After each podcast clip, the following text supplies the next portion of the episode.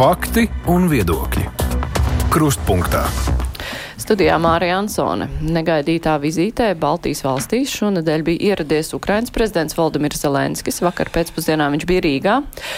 Bet Ukrainas temats tāpat nav zudis no apspriežamo jautājumu dienas kārtības, piemēram, spriežot, vai Krievijas graudu tranzīta nauda ir tā vērta, lai pabalstītu Krievijas kara budžetu.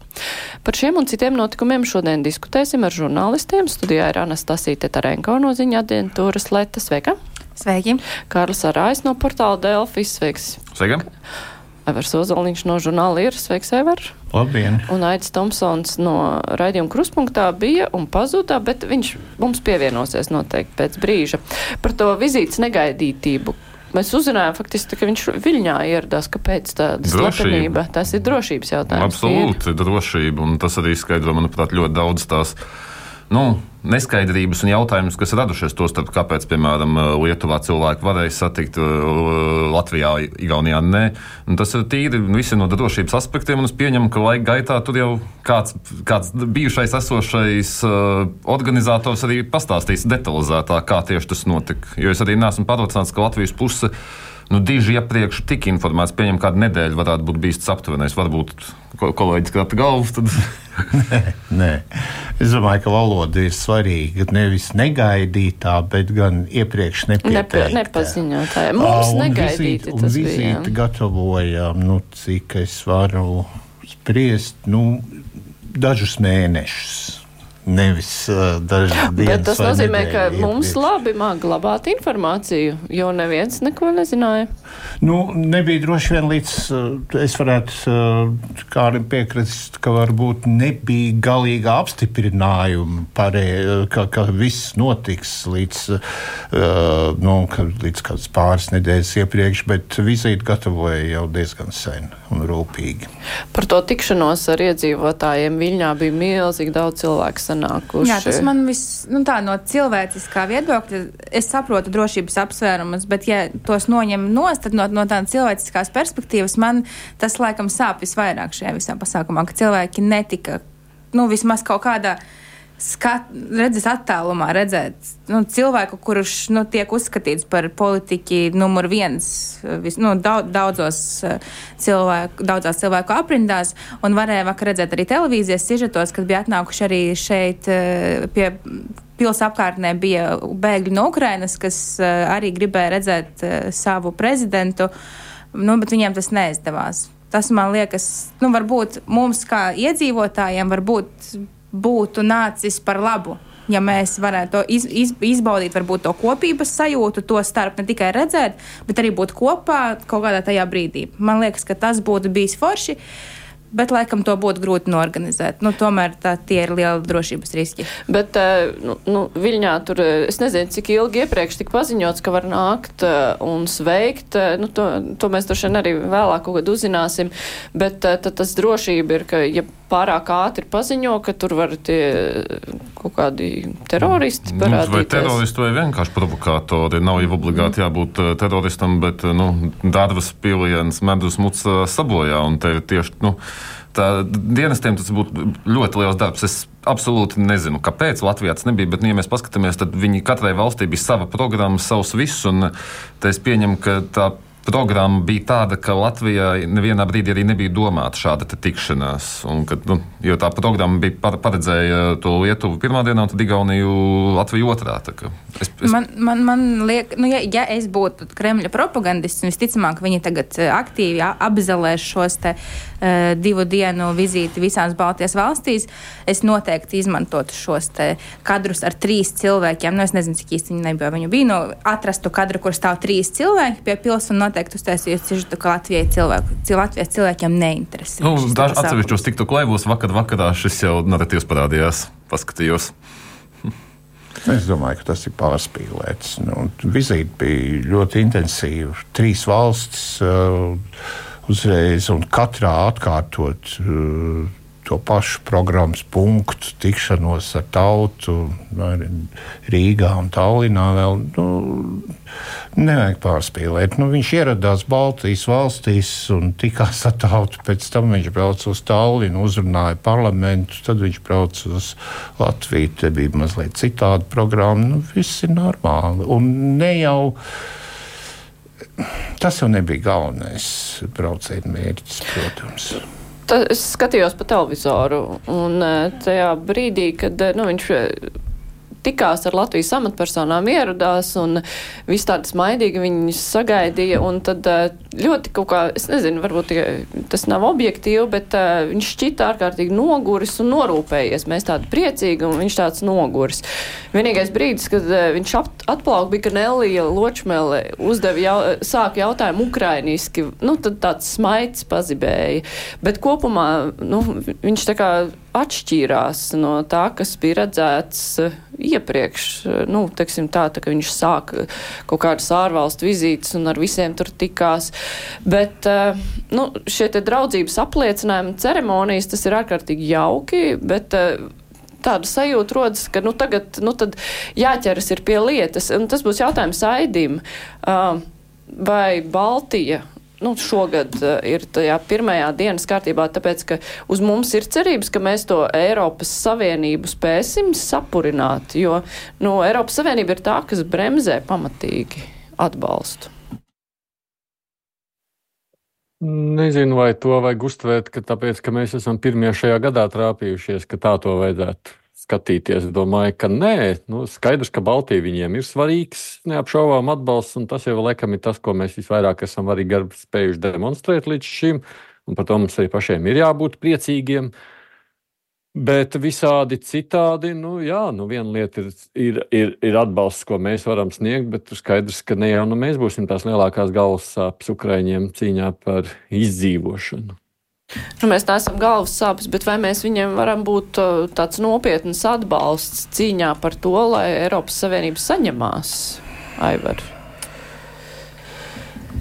Tad, kad Zelenskis ieradās Viļņā, um, es domāju, ļoti daudz pievērst uzmanību tam, ka vispirms Lietuvas ārlietu ministrs Landsbergis, pēc tam prezidents Nausēda pateica, ka atbalstīs Ukrainu līdz uzvarai. To pašu pateica Karis un, un, un uh, Kallas Tallinā, bet es domāju, ka visasāk un precīzāk to pateica. Uh, mūsu prezidents Rinkēvičs atbildēdams tieši uz Nēlijas jautājumu, kur vaicāja par to Igauņu plānu pirms pāris nedēļām publicēto, kā uzvarēt Ukrainā. Rinkēvičs pateica, jā, jāmaina strateģiskais uzsvars no atbalstīsim Ukrainu tik ilgi, cik būs nepieciešams, uz atbalstīsim līdz pilnīgai un nepārprotamai Krievijas impērijas sakāvei. Imperiālisma sakāvei. Imperiālisma sakāvei, jā. Es domāju, ka tieši tas arī bija galvenais brauciena mērķis - veidot teiksim, tā, Ukraiņas uzvaras atbalsta koalīcija. Un Baltieši ļoti dabiski paši pirmie, kuri, protams, to atbalstītu. Un, uh, Igauņu plāns par to, kā uzvarēt uh, Ukrainai šajā karā, tas arī, es domāju, iederas ļoti labi šajā uh, programmā, šajā pasākumā. Piespiest pirmkārt jau Vašingtonu un prezidentu Baidenu mainīt to retoriku vai to uzstādīju no tā, ka mēs vienkārši atbalstīsim Ukraiņu, cik vajadzēs, vai cik varēsim, tik arī atbalstīsim uz to, ka mērķis ir uzvara. Es domāju, ka tagad ir daudzi Eiropā un arī Amerikā, redzot, ka Igauniem ir uh, plāns, kā uzvarēt, uh, kā Ukrainai uzvarēt, pagā, kāpēc Pentagonam nav tāda plāna? Bet kāpēc Igauniem ir tāds plāns? Es domāju, ka tas ir ļoti labs PR gājiens. Ne, ne jau tikai valstī, bet šai šā kara uzvarēšanas lietai. Tagad Igauni, protams, var piedāvāt plānu, viņiem jau nav resursu, viņiem nav balstisko raķešu un tanku, ko, ko iedot Ukraiņiem, lai to plānu izpildītu, bet, bet amerikāņiem ir. Un, uh, pēdējā laikā izskatās, ne tikai pēdējā laikā, jau pagājušajā gadā, pēc, drīz pēc uh, Kijavas kaujas, kur sagrāva Krievijas pamatīgi, izskatās, ka vienkārši amerikāņi negrib pieļaut o, Krievijas nepārprotamu sakāvi, baidīdamies, ka kritīs ne tikai Putina režīms, ka iespējams sabruks visas valsts, un ko tad darīs ar visiem kodolieročiem, un ko tad darīs ar buferi pret Ķīnu. Nu, tur, ir, tur ir tās ģeopolitiskās, strateģiskās atkal spēles no Kisindžera laikiem. Izskatās slikti. Ko, tas, ko amerikāņi pašlaik dara, uh, izskatās, ka viņi riskē pieļaut milzīgu strateģisku kļūdu, novilcinot šo karu, vienkārši ļaujot gan Krievijai, gan Ukrainai nosiņot. Un uh, šī Zelenska vizīte bija pieteikums, iespējams, iespējams es, protams, saku šādu mērķa skaidrai pateikšanai, ka mērķis ir nevis vienkārši tautoloģiski atbalstīt, atbalstīt Ukrainu, tāpēc, ka mēs Ukrainu atbalstām, bet gan atbalstīt, lai Ukraina uzvar. Aidi, kā tev šķiet, vai amerikāņi nonāk līdz tādai retorikas maiņai, pateikt līdz galam, ka atbalstīt līdz Krievijas sakāvei? Nu, redz, tas jautājums jau nav atbildāms tieši tāpēc, ka Amerikā ir vēlēšana gads. Mēs jau uz to varētu mēģināt atbildēt, tad, ja būtu skaidrs, kurš ir prezidents tālāk. Tā kā šo atbildi mēs nedzirdēsim vēl tuvākajos mēnešos, baidos, ka es to nevaru atbildēt. Nu, vēlēšana gada tik visur ir neparedzama, un Amerika tas ir īpašs. Un, ja, jau šobrīd joprojām nav pat skaidrs, kurš būs republikāņu kandidāts līdz galam. Nu, nu, nav iespējams, bet tad atcerieties arī, ka kongresam ir ļoti liela loma un iespējas bloķēt visu kaut ko. Nu, es teiktu, ka tas ir atkārt bitēm. Nevar šobrīd zināt. Man liekas, ka pēdējo jau gandrīz divu gadu laikā ir bijuši nu, vairāki posmi, kur varēja redzēt, kā mainās un pārplūst uzsvars uz to, ko mēs sagaidām kā sabiedrība no kara iznākuma. Ko mēs vispār tur darām? Sākumā mēs atbalstījām Ukrainu, pēc tam retorika pārvirzījās, ka mums vajag, ka mēs esam pret Krieviju, pēc tam tas arī transformēs, transformēs līdz nonāca vakara, līdz, līdz skai, vakara aizvakar, līdz šiem skaidrajiem jau jauniem paziņojumiem par jaunu mērķi. Un, uh, manuprāt, šie mērķu formulējumi, nu, skaidrs, ka tie ir, uh, tiek verbalizēti augstākā līmenī, nekā iespējams uh, nu, tās puses cer sasniegt. Vienkārši, nu, jo vairāk prasīs, jo iespējams vairāk saņemsi. Un skaidrs, ka pa, pasniedzot nu, komunikācijā, pasniedzot šo augstāku mērķi arī lielākam partnerim, Vācija, Amerika. Ka nu, ir, ir vēlēšanās panākt šos lielākos rezultātus, bet arī publiskajā diskursā ievirzīt šos jaunos mērķus, ko mēs šobrīd jau esam griboši sasniegt kā rezultātu šī kara um, noslēgumā. Es jūtu, ka tu gribi papildināt. Ne, nu, par tām vēlēšanām es domāju, ka nu, man vismaz izskatās, ja, ja Baidens ļoti skaidri pateiktu, ka mērķis ir uzvarēt. Uh, šajā karā, un ja būtu nopietns lūzums kara gaitā pirms vēlēšanām, es domāju, es domāju, ka viņam tas nāk ļoti par labu vēlēšanās. Viens, viens prezidents, kurš var izvirzīt ļoti lielu un svarīgu mērķi un to sasniegt. Bet uh, tur noteikti nāk apakšā, tur ir daudz citu apsvērumu. Es nezinu, es pēdējās dienās parādījās uh, sarakstā cilvēkiem, kuri dodas tur dot padomus Nacionālajai drošības padomei un Balta, Baltajam namām, nu, tur ir tādi dīvaini personāži brīžiem. Ir, un es nezinu īsti, es Vašingtonā neesmu kādu laiku bijis, nezinu, kā tur cilvēki domā pašlaik. Bet eh, nu, labi, tie dažādi brīdinājumi par to, ka Krievija neapstāsies, eh, nu, tas jau izskan no pagājušā gada, un mēs to dzirdam arvien biežāk un biežāk. Bet, uh, Zviedrijā aizsardzības ministrs runā par to, ka jāgatavojas karam.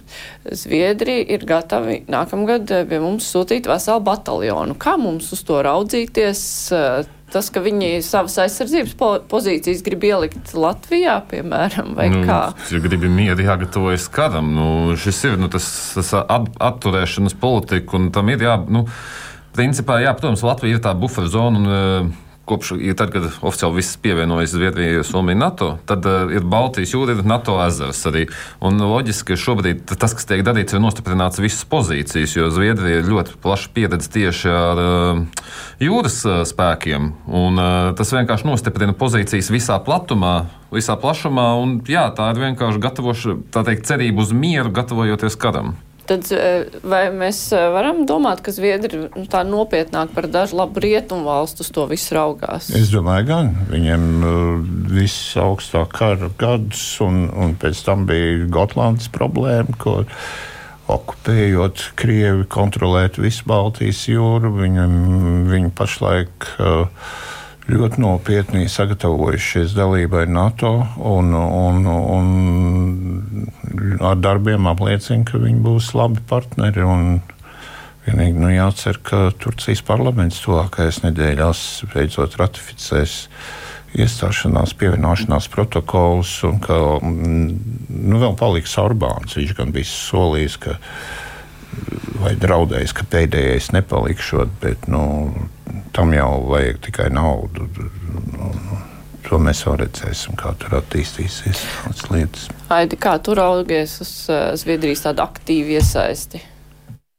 Ne, nu, protams, tā ir laba ziņa. Latvijai, es domāju, tādā ziņā skaidrs, ka tā ir laba ziņa.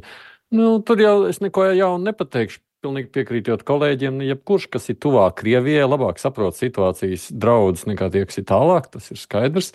Es domāju, ka vairāk vai mazāk jau to kopējo ainu aptver arī citi, tikai no viņiem tas ir mazāk svarīgi, jeb aktuāli. Nu, droši vien jau, lai arī kā mēs, mums tas nepatiktu, rēķinot ar loģiku un saprātu dažādus scenārijus, kā notikumi var attīstīties, visi jau rāda, ka tā situācija nākotnē nerā, ne, nerādās lāga.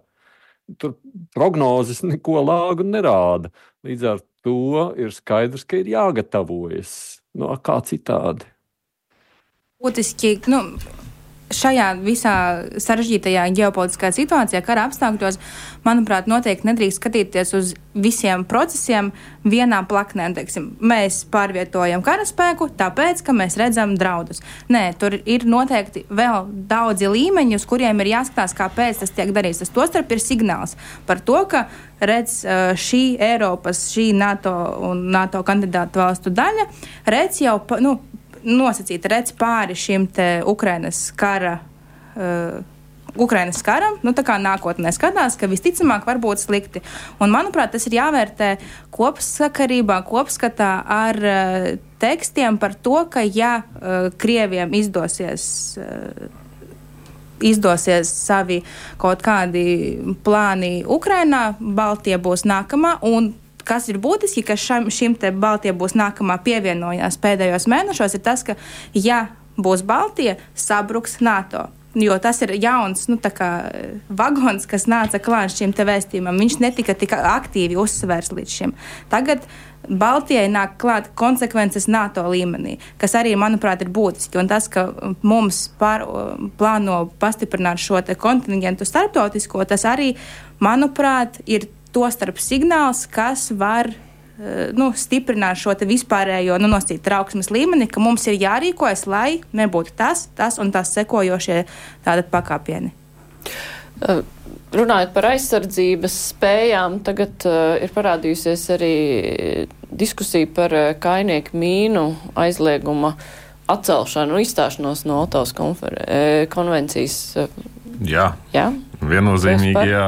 Nu, kā jau pirms tam teicu, gribu iegatavoties karam, es palieku pie tā, ka Nu, tas ir briesmīgs ierocis, protams, bet ir iespējas to izvietot nekaitējot civiliedzīvotājiem, piemēram, atsevišķi norobežotu zonu pie robežas, kur, kur ir nu, nomarķēta, nav piekļūst civiliedzīvotājiem. Bet uh, nu, tas ir viens no rīkiem, kas, ir, ka, kas padarīt, uh, padarītu mūs par tādu ezīti vēl vairāk. Jo nu, mēs nevaram, ja, ja sākas konflikts, mēs neesam tā valsts, kas var uz masu paņemt. Mēs, mēs varam būt tas ezītis, kuram ir grūti vispār tikt klāt. Un tas ir tas, uz ko mums jāiet, un šis ir viens no veidiem, kā mēs varam sargāt savu robežu. Bet cik, cik tas ir efektīvs tādā izpratnē, nu, kainieku mīnus, jā, tanks nevar tās? Nu, tas tāpat tās bojā ekipējumu. Tas vienkārši tas, rada, tas apgrūtina. Ja mēs skatāmies, kas notiek Ukrajinā, tad mēs redzam, ka gan Krievija, gan Ukraina ir mīnus likus. Tad, kad uh, tas ceļš tiek tīrīts, tas ļoti būtiski palēnina pārvietošanos un bojā tehniku. Nu, šim līgumam Latvija pievienojās 2006. gadā. Man šeit jau tolaik bija iebildumi no armijas cilvēkiem, bet nu, tolaik Latvija, protams, nejūtās apdraudēta. Mēs nu pat bijām iestājušies NATO. Um, šo mīnu aizliegumu mērķis, um, pareizāk, impulss bija no briesmīga izmantošana Balkānos, pilsoņu kara laikos, Āfrikas valstīs, kur tās izmētā visur un tad civiliedzīvotāji. Ja cieši. Tā kā situācija ir mainījusies, un atbild būtu jā vai nē, tad pilnīgi noteikti jā, ja tas ir nepieciešams efektīvai aizsardzībai, bet tas jādara, manuprāt, būtu kopā ar citām Krievijas pierobežas valstīm - Poliju, Lietuvu, Igauniju, Somiju. Uh, tas, tas, ta, tas, būtu, tas būtu efektīvāk, jo izstāties no tik nopietnām uh, starptautiskām vienošanām, nu, tas neizskatās glīti nekad. Bet, ja mēs vieni paši to darītu, nu, nu, var arī pašiem darīt, protams, bet, bet labāk tomēr būt kopā ar kaimiņu valstīm. Es tikai piebildīšu, ka divas valstis, kas nav konvencijā, ir Amerikas Savienotās valsts un Krievija. Tas tā kontekstam. Uh mhm. -huh. Es ne, man, eh, domājot par šo te, ir es saprotu to racionāli, ka uh, tas ir nepieciešams aizsardzībai, bet līdz galam es nevaru atrast sevī kaut kādu. Nu, ka, ka Tas ir vienīgais, kas jādara, ka mums tagad ir jāsapalaiž līgums, un viss mēs eh, darām.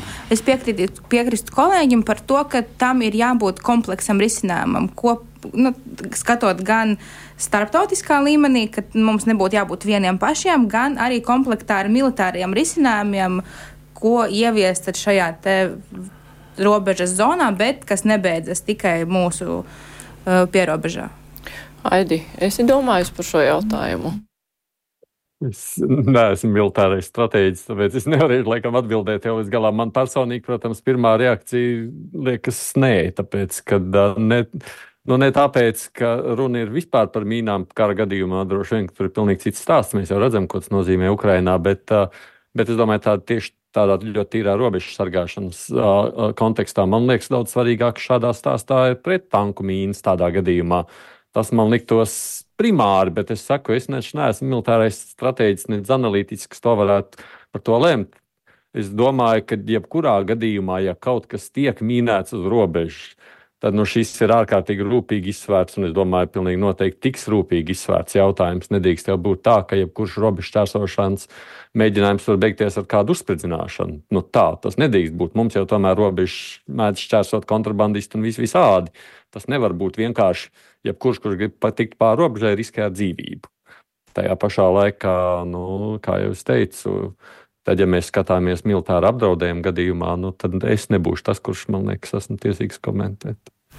Tas, ka tas, nu, šādas uh, iniciatīvas parādās no ekspolitiķiem kādiem, kas varbūt cierē uz Eiropas parlamentu, tas ir tā uzmanības pievēršanai, vai tur tomēr varētu sākties Latvijā nopietna diskusija par šo aidi?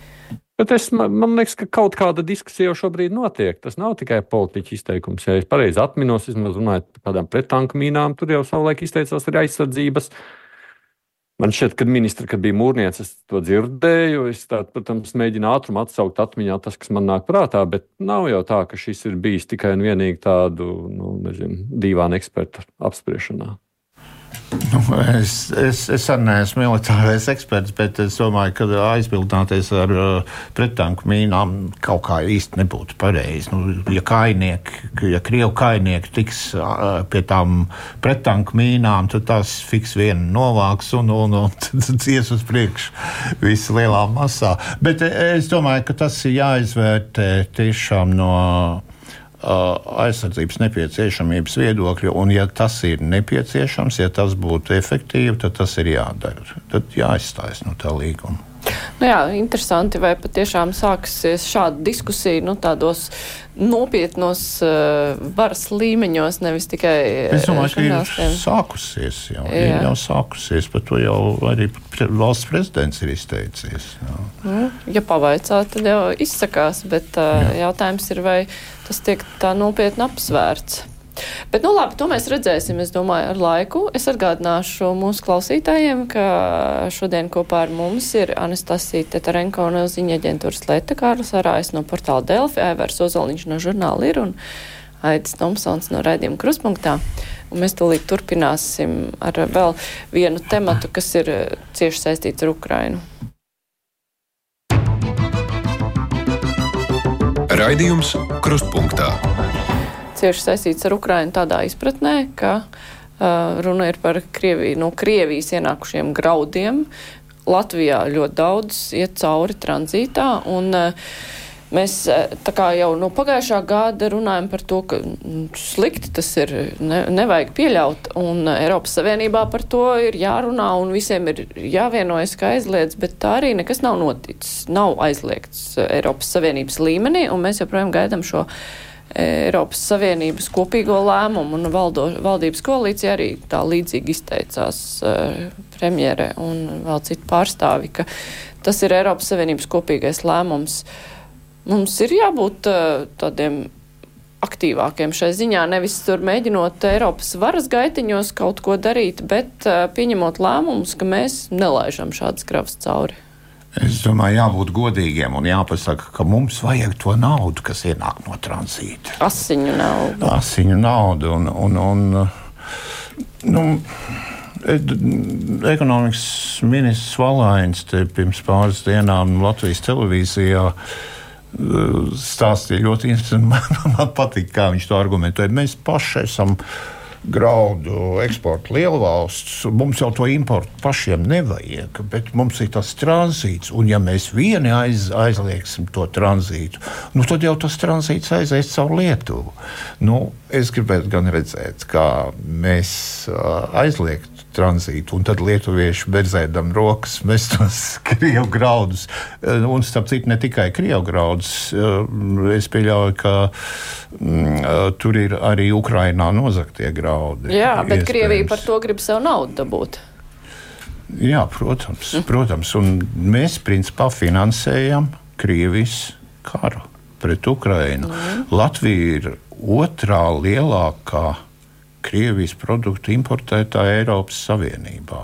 Nu, tā nedrīkst būt. Nu, tā nedrīkst būt. Nav jau es, protams, tā lobēšana varbūt nav tik traka, kā bija 2022. gada rudenī, kad, eh, kad eh, ekonomikas ministre Indriksona no Nacionālās apvienības, ja atceraties, rakstīja vēstules uz, uz ārlietu ministriju, uz tieslietu ministriju, lai kaut kā varētu atrisināt jautājumu ar sankcijām pakļautajiem um, ol, Krievu oligarhu Mazepina kopu uzņēmumiem ar mūsu pašmāju oligarhiem Šleseru šķēli un, un Lembergas notu, tur Ventamonjakā un Riga Fertilizer terminālu, kur ir, kur, kuriem tie minerāli mēsli bija. Un tas argument, tā argumentācija bija līdzīga kā pašlaik. Nu, mums taču jācīnās jānovērš bats visā pasaulē. Nu, jā, kā tad nu, mēs tagad ļausim krieviem graudus vest, ļausim minerālu mēslus vest, lai, lai novērstu badu pasaulē. Nu, tas viss ir par naudu. Diemžēl tas viss ir par naudu. Nu, tad jārēķinās ar to, ka zaudējumi būs, cik tur tie no tā tranzīta kaut kādas 20 miljonus pazaudēšot. Es precīzi neap, neņemšos apgalvot, bet, bet, bet nu, mums tomēr ir. Nu, mums ir svarīgāk mērķi par, par vienkārši mazliet nopelnīt no agresoru valsts. Man liekas, tik ļoti nu, mīlīgi nav tas īstais vārds, bet es domāju, ka jūs nolasāt to uh, sarkastisko nozīmi, ka tiešām mēs barojam Āfriku, mums svarīgi uz Āfriku aizvest graudus. Nu, Vai tiešām tas ir tas arguments, kas šobrīd ir jāliek pretim brīdī, kad uh, nu, cilvēki mirst? Jā, tur liek klāt ļoti uh, pielādētu vēl uh, jautājumu par bēgļiem, jo skaidrs, ka mums ir liela daļa sabiedrības, kas ir super neatbalstoša pret bēgļiem. Mēs atceramies 15. gada diskusijas par bēgļu kvotām un visu turpmāko. Tas mums ir arī karstā kartupeļu jautājums. Līdz ar to nu, no vienas puses mēģinājums sakabināt šo te ar vēl vienu karsto kartupeli ir diezgan nu, gudrs. Bet, ja mēs domājam nu, no tāda, es pat nezinu, no kādas perspektīvas, goda prāta, iespējams, perspektīvas, nu, ir, ir godīgi jāpasaka, tiešām, ka nu, mēs kaut kā iztiksim bez tiem miljoniem, kas mums varētu nākt no, no, no Krievijas, un, un ne, nedomāt argumentāciju. Bet arī inter, nu, tas pat nav interesanti. Tā vienkārši notiek. Tas, tas, šis nav vienīgais jautājums, kad saku, Eiro, tas ir Eiropas Savienība jā, jāpieņem. Lai pēc tam varētu pateikt, nu, kaut kādās diskusijās, ka nu, Eiropas, Eiropas Savienība. Savienība. Tad jau ne mēs, te, mēs, mēs, mēs neko, tas Eiropas Savienība. Aidi, kā tev šķiet, tas nu, pārmešana uz Eiropas Savienību tā nav nu, vienkārši tāda laika vilkšana. Nu, mēs atcējām, lai Eiropas Savienība izlēma, mēs jau neko zinot, ka Eiropas Savienībā var viss notikt lēni un nekad. Uh, tajā pašā laikā, nu, mums taču ir tiesības pieņemt šādus lēmumus. Vienkārši nelaist tādas kravas caurumu punkts. Arī aiztaisīja savu robežu, jo nolēma, ka tā vajag. Īstenībā brīnos, ka šajā reizē mēs tik ļoti paklupām par graudiem. Jo iepriekš jau taču, man liekas, mēs kaut kā veiksmīgāk tikām galā. Ja mēs bijām spējīgi atteikties no Krievijas gāzes, un man liekas, ka šīs ir diezgan pat nesalīdzināmas summas. Pēc tam taču mēs bijām spējīgi atteikties no vēl vairākiem tādiem diezgan būtiskiem zaudējumiem. Uh, Un šeit mēs paklupām. Es tiešām, ja Aivars saka, ka tur ir kādi pārdesmit miljoni, es nezinu, cik tur ir tie miljoni. Man personīgi liekas, ka nu, tad, tad mums kopā vienkārši jāpasaka, redz, te ir tā nauda, kāpēc mēs pie tā turāmies. Bet jautājums jau man šķiet vispār nav par naudu. Es pilnībā piekrītu Aivaram, ja mēs aiztaisīsim ciet, nu labi, lai tad tie lietuvieši tur tālāk pelna. Es ceru, ka lietuvieši arī uz savu valdību sāks izdarīt tādā gadījumā spiedienu. Nu, šis ir kaut kādā mērā mūsu izdarāmais spiediens uz politiķiem. Man vispār liekas, piedod, taisām to robežu ciet, tāpat kā Somija vispār taisām viņu ciet. Mums nevajag neko ar Krieviju, izņemot kaut kādu pilnīgā humānā palīdzību, Ukraiņu, nezinu, iekļūšanu vai kas cits. Mums nevajag vispār neko ar to valsti. Mums nevajag tur vest savus zāles un medikamentus un ārstēt viņiem gripu. Mums nevajag neko no turienes. Viss tāds ir mans viedoklis. Vajag, vajag šņabi, tur balzāmu tur eh, eksportēt vēl. Tur mēs arī esam līderi. Alu, mēs alu arī esam viena no līderiem, kas eksportē nu, Krievijai importētais alus, cik bija diezgan daudz procentu no Latvijas arī. Nu, vienmēr jāskatās, kam tas ir izdevīgi. Nu, kāds lobbyis arī ir jautājums? Man ir tas, kas, ko es redzu šajā situācijā, tas, ka mēs skaidri sakām, paklupām šo jautājumu, tas ir vienkārši ļoti spēcīga lobbyja rezultāts. Ir strādāts ar ministriem, vairākiem pēc kārtas, un tas ir sasniedzis kaut kādu rezultātu. Kaut gan patiesībā es pilnībā piekrītu Aidim, šī gadījumā mēs ar vienu roku, vienu ar labo roku paspiežam roku Zelenskim un uh, sakam, cik mēs esam gatavi atbalstīt, bet ar otro roku mēs dodam naudu Kremlim, kas to naudu pēc tam uh, ievada Bučā, ievada Harkivā un ievada visur citur. Nu, Tas nav pieņemami ne, ne morāli, ne cilvēcīgi, nevienā veidā. Bet, ja mēs skatāmies koalīcijā, tad nu, Briškens laikam bija kādā intervijā teicis, ka vajag aizliegt, bet kurā, kurā brīdī tur koalīcijā tās bremzes vispār ir ieslēgušās? Kāpēc šo jautājumu nevar tagad paši izlemt? Es ne, ne, nemāku nosaukt konkrētu laika ietvaru, bet nu, man liekas, pēdējās nedēļas ietvaros vismaz parādījās tie konkrētie virsraksti, ka valdībā nav vienotības šajā jautājumā, jo Āfrika, bēgļi. Un kas tur vēl zaudējami? Jo nevar tā vienkārši izlemt. Jo tagad nu, vismaz parādās nu, no pēdējām ziņām, ka Brīsķens ir, ir aicinājis gan tranzītu kopumā, ja es nekļūdos, gan arī tos graudus nu, Importu, jā. importēt. Un Jā. vienlaikus no zemkopības ministrijas nu, parādījās ziņas, cik ļoti mūsu graudaudzētājiem tas ir neizdevīgi. It kā viens vienīgs neizdevīgums, bet lēmumu mēs pieņemt nekādīgi nevaram. Kaut kā savādi. Es domāju, ka tur nevis kāds bremzes nospiež, tur vienkārši nav kas nospiež gāzes pedāli. Drīzāk tur, tur kādam ir jāuzņemās iniciatīva. Un es domāju, premjerministrei tas, tas spiedienēt, ka viņi vienkārši pateiktu. Mums nevajag šo tranzītu, meklējam veidu, kā to tehniski izdarīt, ierēķinām zaudējumos tos 20 vai cik tur tos miljonus un, un, un, un, un, un ejam uz priekšu. Jā, bet tieši premjerministri iestartē ar jauniem argumentiem, kāpēc mums vajag padomāt labāk par šiem te Nu, jā, nu, visa aizbildināšanās ar Eiropas Savienību beigu galā izrādīsies vēl, ka uh, mūžīgais Putina draugs Orbāns būs vainīgs, kāpēc mēs vedam uh, cauri te graudus. Jā, uh, bet, bet, Krievijas. bet mēs jau nebūsim tajā brīdī vainīgi. Kāds cits būs vainīgs. Nē, nē, nu, bet uh, nu, tauta nav stulba. Es tomēr uzskatu, un, un, un politiķiem būs tomēr kaut kādā veidā jārīko, jārīkojas arī šajā jautājumā, lai cik stipri tur lobby būtu. Jā, nu, labi. Es vēl pāris jautājumus eh, no citas operas, tomēr eh, labprāt ierosinātu pārunāt, jo par graudu jautājumu mēs nākamnedēļ eh, diskutēsim kruspunktā, arī tur skaidrojot, varam vai nevaram, un kāpēc šobrīd ir tās bremzes aizliegt tranzītu caur Latviju. Bet tas viens, nu, tāds neliels jautājums, bet mazliet interesants par tām pasēm, kas.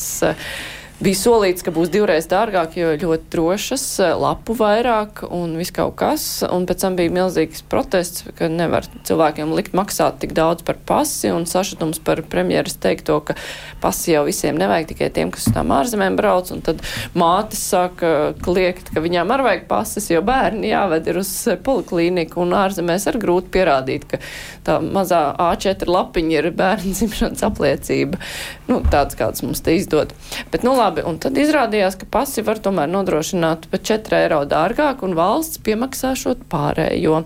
Bet tad, tur kopumā radās pārliecība, ka tā apaļā summa ir tiešām pamatota. Mm. Un ka vispār mums vajag tās pases ar tām ļoti daudzajām lapām. Kam tās lapas ir? Nu, ja kāds plāno ceļot pa daudz valstīm ar vīzām, tad, Tad viņš var tad- paņemt vēl vienu pasi. varbūt. Protams, un ā, nu, man visu šo procesu vērojot no tā, tā paša sākuma, kad tas izgāja, nu, ļoti nepamat sajūta, ka tas cipars tiešām tika kāds paskatījās debesīs, padomāja, vai tas mākons izskatās pēc 60 un ierakstīja kādā dokumentā to ciparu. Jo, Nu, neviens nav spējis uz galvu paskaidrot, kā tas cipars ir radies, kur tas sadārdzinājums ir tik liels.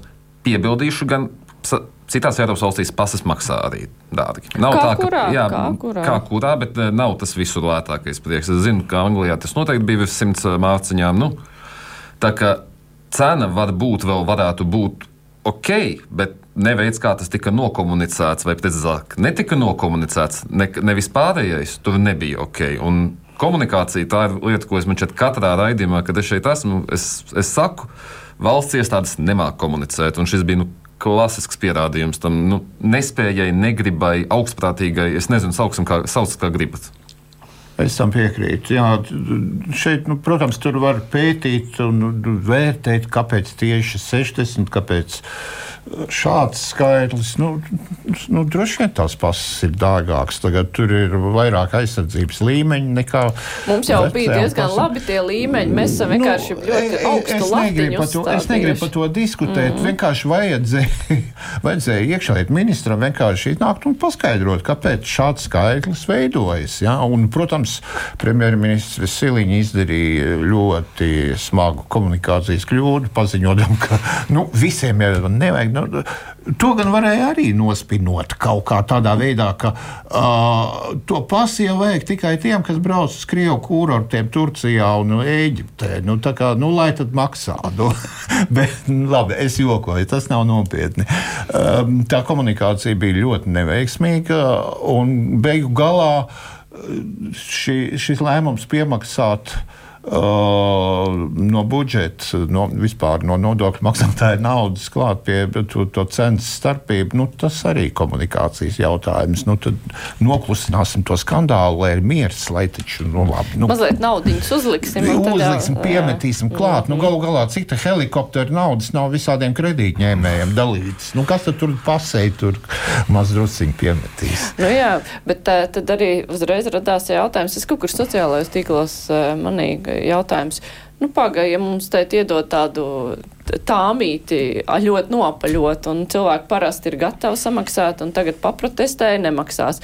Bet cik tādas mēs esam naudas, nu, sadārdzināšanos nomaksājuši, kur tik pasaka, maksāja dārgāk, mēs maksājam. Ir tur par to jādomā. Vai nav vērts? Par to, ka mums vienkārši pasaka kaut kāda Jā, kaut kāda summa viss maksā. Jā. Nē, nu, Lai gan tas ka- nemaz ja nav pamatots. Man tagad dienas skrien kā stirnas, un man tagad ir uh, izkritis precīzi datums, kad mums parādījās tā ziņa. Tas bija decembris, vai ne?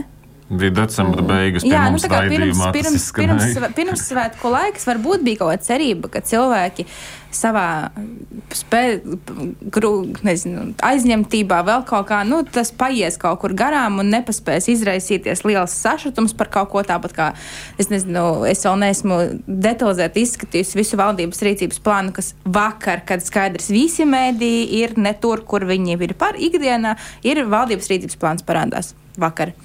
Uh, nu, Iespējams, varbūt bija tāds nodoms, varbūt vispār nebija nodoma, un neviens vispār nepadomāja, ko ar to darīt. Nu, tas, tas bija tā arī ir sākums. Tas radās no tā, ka vienkārši sarunas gaitā tas izskanēja. Tas nebija iepriekš gatavots paziņojums. Tas vienkārši izskanēja. Tāpat būtu aizgājis grabēdams, varbūt bez tās izskanēšanas. Jā. Jā, nu, reizēm, man, man liekas, ka reizēm mēs eh, varbūt pārspīlēt domājam par to, ka kāds gribēja noklusēt vai kādam bija kaut kāds plāns. Reizēm, manuprāt, vienkārši nostrādā tas, ka cilvēki vienkārši, vienkārši nepadomā. Viņiem nu, pat neiešaujas doma par to, ka varbūt mēs tagad ieplānosim to vēlākā laikā, tāpēc, ka lai cilvēki nepamana, jo tagad ir kaut kādi citi laiki. Vienkārši cilvēki nepadomā par kaut ko. Un, un, un notiek tā, kā notiek. Bet, diemžēl, tā notiek pārāk bieži eh, valsts komunikācijā ar sabiedrību. Aidi, par pasēm ir ko papildināt? Vai mēs varam doties uz mūsu pavisam interesanto jautājumu, kas cieši saistīts ar tevi? Ar mani? Nu, tad dodies. Precīzāk sakot, pagājušās nedēļas raidījuma krustpunktā, kurš tika spēj pārtraukts, eh, jo Aidis sēdēja šajā krēslā un tad izdzirdēja ugunsdrošības signalizāciju. Un, eh, kā tas ir noteikts, eh, visi viesi kopā ar Aidi devās prom no studijas, un pēc tam Izrādījās, Latvijas radio bija neliels ugunsgrēks, un uh, divas stundas ap, apmēram ēterā skanēja tikai mūzika. Un bija pārmetumi par to, ka pārāk ilgs pārtraukums, lai gan, protams, gan sociālajos tīklos, gan citos masu mēdījos ziņas parādījās uzreiz, bet tie, kas nelieto internetu, tie, kas nelieto varbūt citus mēdījus, bet tikai klausās Latvijas radio, palika neziņā, kas īsti šeit ir noticis un cik tas ir nopietni. Uh, Bija kaut kur sociālajos tīklos pat uh, izteikts uh, tāds ierosinājums, ka Aidim vajadzēja nevis doties prom, bet palikt uh, šeit, Palikt uh, palikt šajā studijā un sazvanīt uh, gan vadību, gan dienestus, lai skaidrotu Latvijas radio klausītājiem, kas ir noticis. Bet to mēs. To mēs neapspriedīsim, jo tas būtu absolūti muļķīgi un riskanti. Bet uh, jautājums, vai kaut ko vajadzēja darīt citādāk, lai, Latvi lai Latvijas radio klausītāji būtu mierā, ka mums te viss ir nu, daudz maz normāli, neliels ugunsgrēks, bet viss būs kārtībā. Aidi, kādas tev sajūtas pēc visa šī? Es nevaru teikt, man tur būtu baigi lielās sajūtas kaut kādas. To, ka mēs rīkojamies tieši šādi, to jau mēs sapratām, ja pareizāk sakot, visi uh, nolēmām pēc Maksimas traģēdijas. Uh, atceramies stāsts, kurā cilvēki nereaģēja uz trauksmes signālu. Un tāpēc, ja, kā mēs toreiz nereiz vien šeit studijā runājām, ja vien ļaudis būtu reaģējuši, tad jau šī trāma nebūtu tāda izvērtusies. Līdz ar to tas jau bija pats par sevi saprotams jautājums. Turklāt, neesmu jau studijā tikai esmu viens.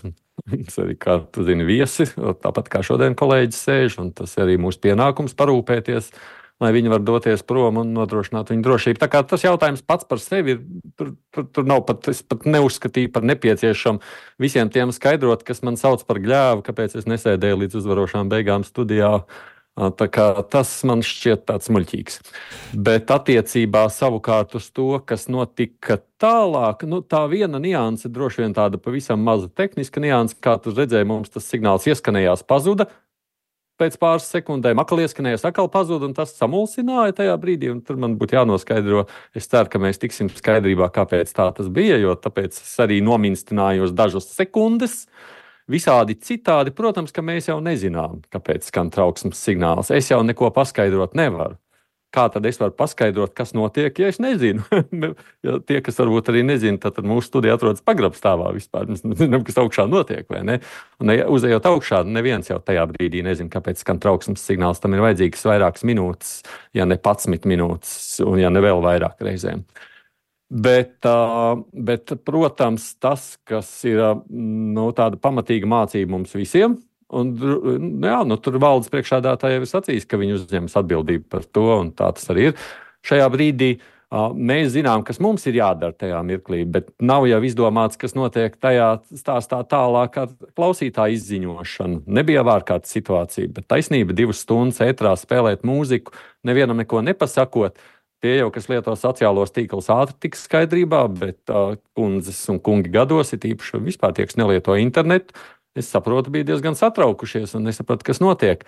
Tā tas nedrīkst būt. Es pilnīgi noteikti secinājumi ir jāizdara. Un ir vai nav tā ārkārtas situācija valsts kā mērogā, radio ēterā ir jābūt pieejamai informācijai. Nu, tas ir galvenais secinājums, kas pilnīgi noteikti ir jāizdara pēc visu šī. Mani personīgi tajā dienā ļoti samulsināja Latvijas radio komunikācija. Um, kad, viņi, kad tika paziņots, ka īstā krīzē, ziniet, nu, es, protams, pārspīlēju toni, bet Valstiska es, mēroga. Jā, jā. Es, es, bet tas ir tas, kā es izlasīju to, to, to informāciju. Īstā krīzē mēs jums parādīsim, kā mēs rīkosimies. Tagad nav, nav krīze. Nu, tas, tas likās tā nedaudz, nu, varbūt nevietā. Tā, tie, tie vārdi, kādi, kā, kā viņi tika savirknēti savā starpā kopā, un tas pats vēstījums, ka, nu, ko jūs te ņematies. Mēs īstā krīzē mēs pratīsim, mēs, mēs visu zinām, kā ir jādara. Bet cilvēkiem, tajā, nu, ņemot, ja tas būtu kaut kāds. Nu, Jebkurā uzņēmumā ir jābūt uh, krīzes uh, pārvēršanas plāniem un tā tālāk, bet uzņēmumam, kas saistīts ar cilvēku informēšanu, vispirmām kārtām. Un tur ir jābūt plānam par cilvēku informēšanu arī tad, kad jūs vairs nu, radio nevar. Nu, kaut kādā veidā darboties ierastajās gultnēs. Līdz ar to nu, man tas paziņojums likās nu, tāds nepārdomāts, arogants, iespējams, vai nepār, nepārdomāts pēc savas būtības, ko tas izraisīs, kādas reakcijas vēl vairāk. Jo, nu, es Jo, nu, jo, manuprāt, ja, ja, ja sākotnējā būtu paskaidrots, ka hei, notika tas un tas, un viss, viss ir, mēs uh, mēģinām risināt situāciju, jā, šoreiz tur mums ir kaut kādas kļūdas, cilvēki, manuprāt, daudz labāk saprastu un piedot. Un, nu, es nezinu, vai kāds cilvēks tur dusmas šobrīd uz Latvijas rādio, ka viņi nestrādā divas stundas, bet nu, kaut kā vieglāk tomēr attiektos pret to. Jā, nē, es, es, tas, ko es gribu saprast, ir, nu, cik daudz ir. No vienas puses mēs esam izlutināti ar to, ka mēs informāciju dabonam tulīt, tagad un tur, kur mēs to gribam. Mēs esam pieraduši pie tā tad, kad omonieši iebruka Latvijas televīzijā un Latvijas radio, tad neviens negaidīja, ka pēc 15 minūtēm man būs viss jau skaidrs. Un, bet, nu, tagad mēs dzīvojam citā laikmetā. Mēs, mēs gribam, bet eh, nu, informācija jau citos mēdījos bija. Bet es tomēr atļaušos arī pabūt diezgan kritisks, eh, jo nu, radio, nu, sabiedriskais medijs tā ir daļa kritiskās infrastruktūras. Tas ir, ja mēs šobrīd atveram tur 72 eh, stundu somas pamācību, tur ir teikts, ja ir x stunda, ko jūs darat, slēdziet iekšā Latvijas rādio. Bet, ja būtu tā x stunda, tad radio sola viss būs. Bet, bet, bet, tā lieta, tagad mums ir eksāmens, kurā viņš ne, šaubu, šaubu sēklu. Es, es teikšu, ka es, es to teiktu tā, šis bija eksāmens, un uh, students dabūja divi. Jo, piemēram, es, kāda būtu mana loģiskā rīcība, ja, ja esmu parastais cilvēks, radio nestrādā, es ieslēgšu Latvijas televīziju. Latvijas televīzijā pat titras, pat, ne, saku, nebija tie titri. Es, es neredzēju, kad es ieslēdzu vairākas reizes. Nu, Pēc cik minūtēm tu ieslēdz? Ne, Pēc kādas pusstundas es toči no, noteikti ieslēdzu un nebija. Uh, un arī sākumā pat nebija komunikācija. Mēs, mēs un Lietuva, kas vēl palaidām ziņu, un tvīts parādījās vēlāk, piemēram. Uh, nu, tā, tā komunikācija. Pat tajos tīklos, kas nav pieejami vecā gadagājuma cilvēkiem, pat tā bija smagnēji salīdzinoši. Jā, jo, Nu, nu, nu, jo mums kā žurnālistiem arī Sadūmu, vajadzēja jā. uzzināt, Mhm. prasīt, gaidīt. Tas beigās mēs rakstījām pa ļoti lielā mērā, zvanot, tāpēc, ka mēs jau pazīstam arī, kā jau žurnālisti, arī šī žurnālists, un vienkārši pr- prasījām pat taisno kaut kādus, kaut kādu informāciju. jo Nekāda komunikācija nenāca. Un, nu, tā tam nebūtu jābūt. Jo, labi, Latvijas rādio šai brīdī ir problēma. Mē, tas saprotams, var gadīties šādas situācijas, tas ir saprotams. Bet tad palīdziet mums, palīdziet jums informēt par šo situāciju. Aivar. Nu, es piekrītu Kārlim, ka jūs esat daļa no kritiskās infrastruktūras un nevajadzētu būt situācijām, ka vienkārši ieslēdzot signalizāciju, var jūs atslēgt no ētera uz divām stundām. Nu, tad skan kaut kāds gulbju ezers, tā kā, tā kā Krievijā. Kas, um, nu, jā, nu, es, es nezinu pat īsti, kas jums te notika. Kaut kāds matracis bija teicis, vai Nē, kas tas ir? sienas izolācija kaut kāda. Nu, jā. Tur, kur remonts notiek. Nu, jābūt plānam, kā rīkoties situācijā, kad deg sienas izolācija vai, vai tur Nu, ja kāds- kāds ugunsgrēks, neliels vai Jā, nu, iedomājieties, sākas kaut kāda x stunda, un te ielavās kāds šarikovs un pielaiž kādam, mat, kādam, kādai pufaikai uh, liesmu, un radio ir izslēgts no, ap, no aprits. Nu, tā nevajadzētu būt. Jānodrošina alternatīvas kaut kādas uh, krīzes situācijās. Un tas paziņojums, ka tāds ir, bet netika izmantots, jo redziet, nevajadzēja. Nu, tas neiztur nekādu kritiku. Tas, kā tas ir pareizi teicis, tas vienkārši sēž šaubas par to, ka tas plāns tiešām strādās. Nu, t- tas bija, zināmā mērā, sitiens reputācijai. Aidi, te, te klausītājs uh, saka, par to ugunsgrēku mūziku vajadzēja regulāri pārtraukt ar paziņojumu par notiekošo, nevis raidīt pusotru stundu bez pārtraukuma. Uh, tāds ierakstīta balss, piemēram, ka viss ir nu, neliela ārkārtas situācija, drīz atsāksim raidīt, tas klausītājs nomierinātu, drīzāk vai radītu lielāku satraukumu, kā tev šķiet. Es nedomāju, nu, ierakstīta balss var kaut kādās pirmajās minūtēs būt. Tas nav, tas nav arī risinājums ilgstoši. Tev ir jābūt pārliecībai, ka tie, kas strādā ēterā, pēc tam arī patiešām kontrolē ēteru. Nevis tādā ziņā, ka tu ieliec kaut kādu automātu, kas tur rulē pēc tam kaut kādas stundas, un tu zini tāpat, ka tam nevar ticēt. Nē, nu kā ir jau. Es nezinu, cik tas ir publiski pieejams, jo es jau saprotu, ka kaut kādā mērā, jebkurš x stundas ārkārtas plāns arī kaut kādā mērā tiek sargāts. Tāpēc droši vien jau, te detaļas nemaz nevarētu izklāstīt, jo es arī tās līdz galam visas nezinu. Bet ir jau skaidrs, ka tas ir izdarāms, un tas jau arī laikam pat ir izdomāts, ko darīt. Tas, kā, tas, kas ir tā lielā kļūda, kad šķiet, ja nav valsts x stunda, tad to plānu nevajag iedarbināt. Nu, šī ir tāda ļoti skarba mācība, kad nav tādas tikai valsts x stundas. Jebkurš ēters ir nu, tajā brīdī nu, valsts infra, tā, bija tā kritiskā infrastruktūra, jebkurā mirklī. Līdz ar to ēteru pārtrūkšana vienkārši paša par sevi rada bažas. Un tiklīdz ir bažas, tā šīs bažas ir jāmēģina mierināt vai skaidrot, vai nu, vienalga, ko informēt. Tā kā jā, nu šeit ir pilnīgi noteikti kolēģiem taisnība. Jā, klausītājs raksta, ka viņš jā, klausījās raidījumu, kad ieslēdzās trauksmes signāls, temati bija karsti un raidījuma dalībnieku runas bija uzkarsušas. Nospērdām, ka gaiss no tā ir uzkars tā, ka signalizācija iedarbojās. Vēl bija variants, ka tā kā runa bija par vilcieniem, ka Briškens kaut ko ir izdarījis. Bet, nu, jā, tā, nu, tas nebija. Tur bija daudz eh, vienkāršāks skaidrojums remontdarbi. Tā kā. Nu, vismaz Nu. sociālajos mēdījos tas stāsts par to, ka, jūs, ka jums dega matracis, nu arī bija tāds diezgan smieklīgs. Jā, bet matracis nedeg. Nu, man atkal biedējoši bija, ka es sapratu, ka jums būdava dēļ. Tas ir mums šobrīd arī bija jābūvē studija.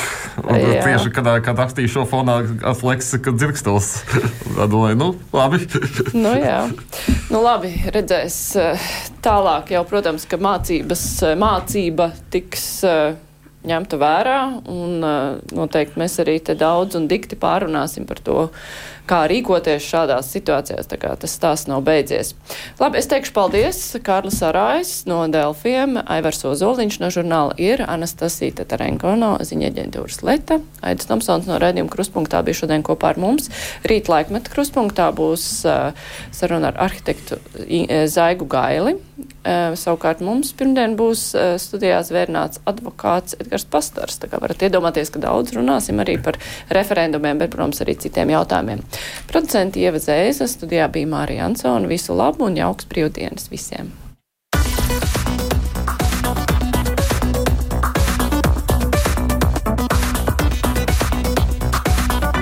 Fakti un viedokļi.